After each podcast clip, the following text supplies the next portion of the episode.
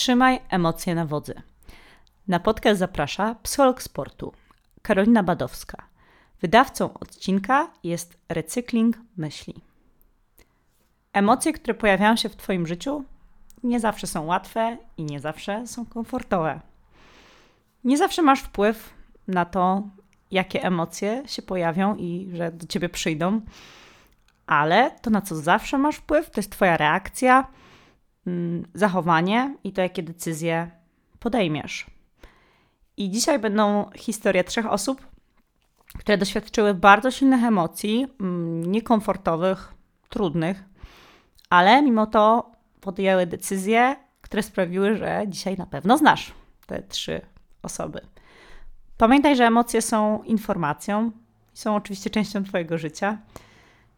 Mogą wskazywać to, co jest dla Ciebie ważne, ale czasami potrafią zawładnąć Tobą i tak jakby przejąć ster nad Twoim e, funkcjonowaniem czy nad Twoją logiczną częścią.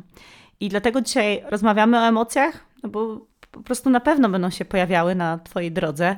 Nie da się po prostu wyłączyć, zrobić przycisk off i nie czuć emocji, ale warto, żebyś właśnie wiedział i miał um, narzędzia do tego, żeby mieć wpływ na swoje reakcje i na swoje zachowania, nawet kiedy pojawią się bardzo silne emocje. Pewnie znasz to uczucie, kiedy zdarza się jedna sytuacja, która jest na tyle wyraźna, nieprzyjemna, przerażająca, niechciana, że jak czarna dziura pochłania to, co było przed, przeszłość, Twoje doświadczenia, to, co robiłeś kiedyś, jak sobie radziłeś, i przyszłość. Emocje takie jak bezradność, frustracja, smutek zalewają Twoje plany. Może miałeś taką sytuację w swojej sportowej historii? Na pewno takie uczucie zna Asha Filip. Wyobraź sobie, że trenujesz kilka lat, żeby pojechać na Mistrzostwa Świata. Jest rok 2007. Mistrzostwa Świata odbywają się w Kanadzie. Jak mówi Asha, skok na trampolinie trwa w całości około 11 sekund. Tyle lat przygotowań. 11 sekund rozbiegu i skok. I nagle Asha słyszy trzask w nodze. Upada z krzykiem na trampolinę. Jej noga jest dziwnie wykręcona. Asha jest przerażona. A teraz wyobraź sobie, że cofasz się w czasie, jesteś znowu w podstawówce.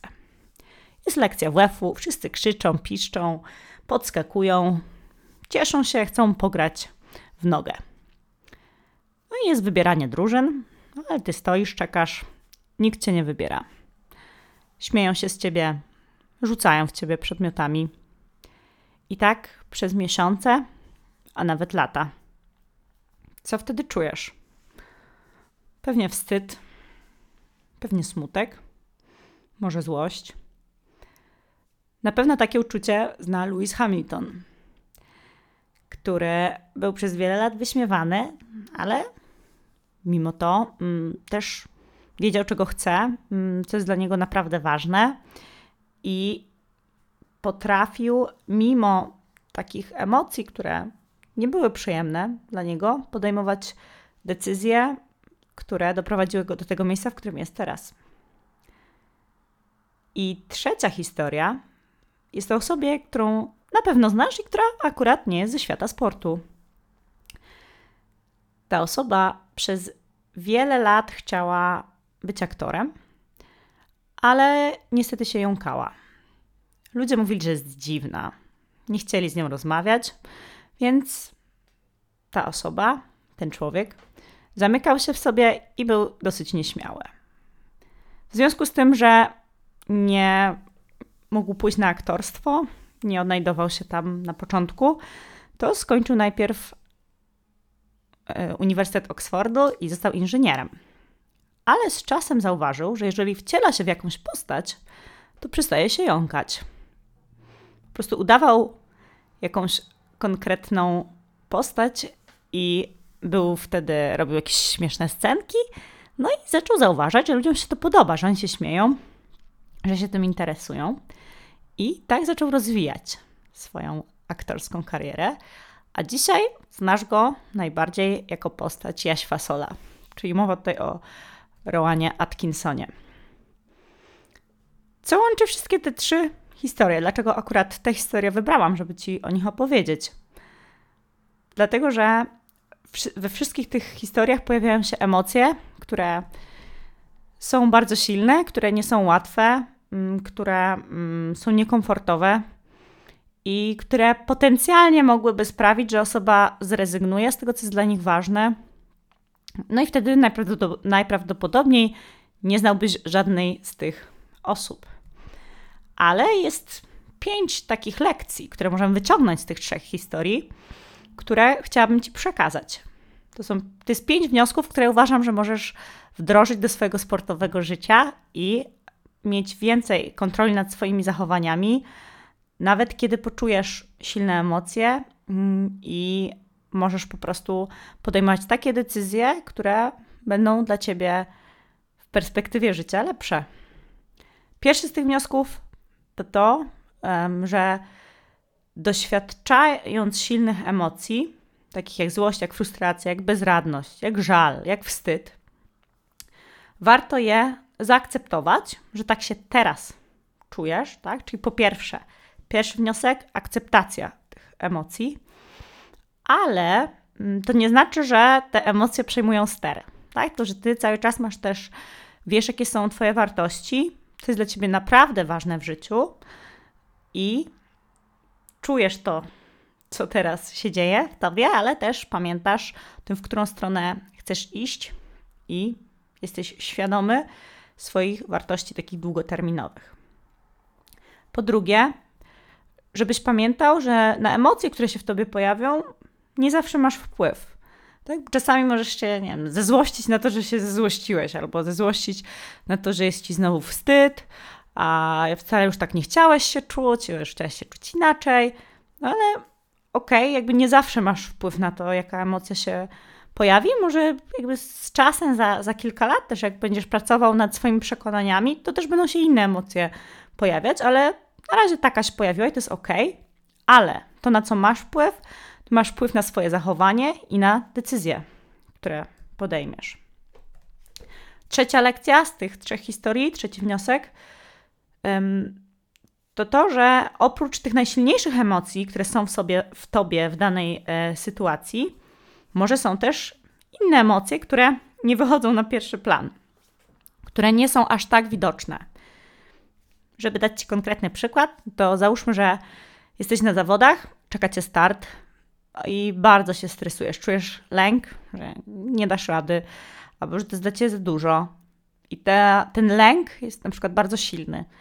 Ale jak tak spokojnie też się przyjrzysz tym emocjom, to czasami możesz zauważyć, że są też takie emocje, które się wydają na dany moment wątłe. Na przykład ekscytacja, na przykład nadzieja. I po prostu czasem trzeba się nauczyć je wzmacniać. Pozwolić sobie je poczuć.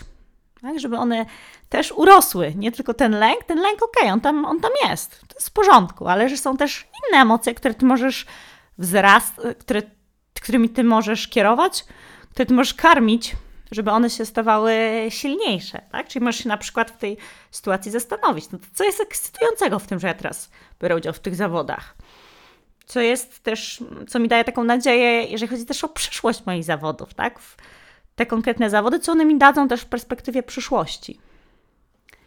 Czwarty wniosek mm, to jest to, żeby patrzeć na swoją sytuację z perspektywy helikoptera, tak? czy z perspektywy lotu ptaka żeby mm, patrzeć na życie w kategorii odcinków, a nie konkretnego punktu.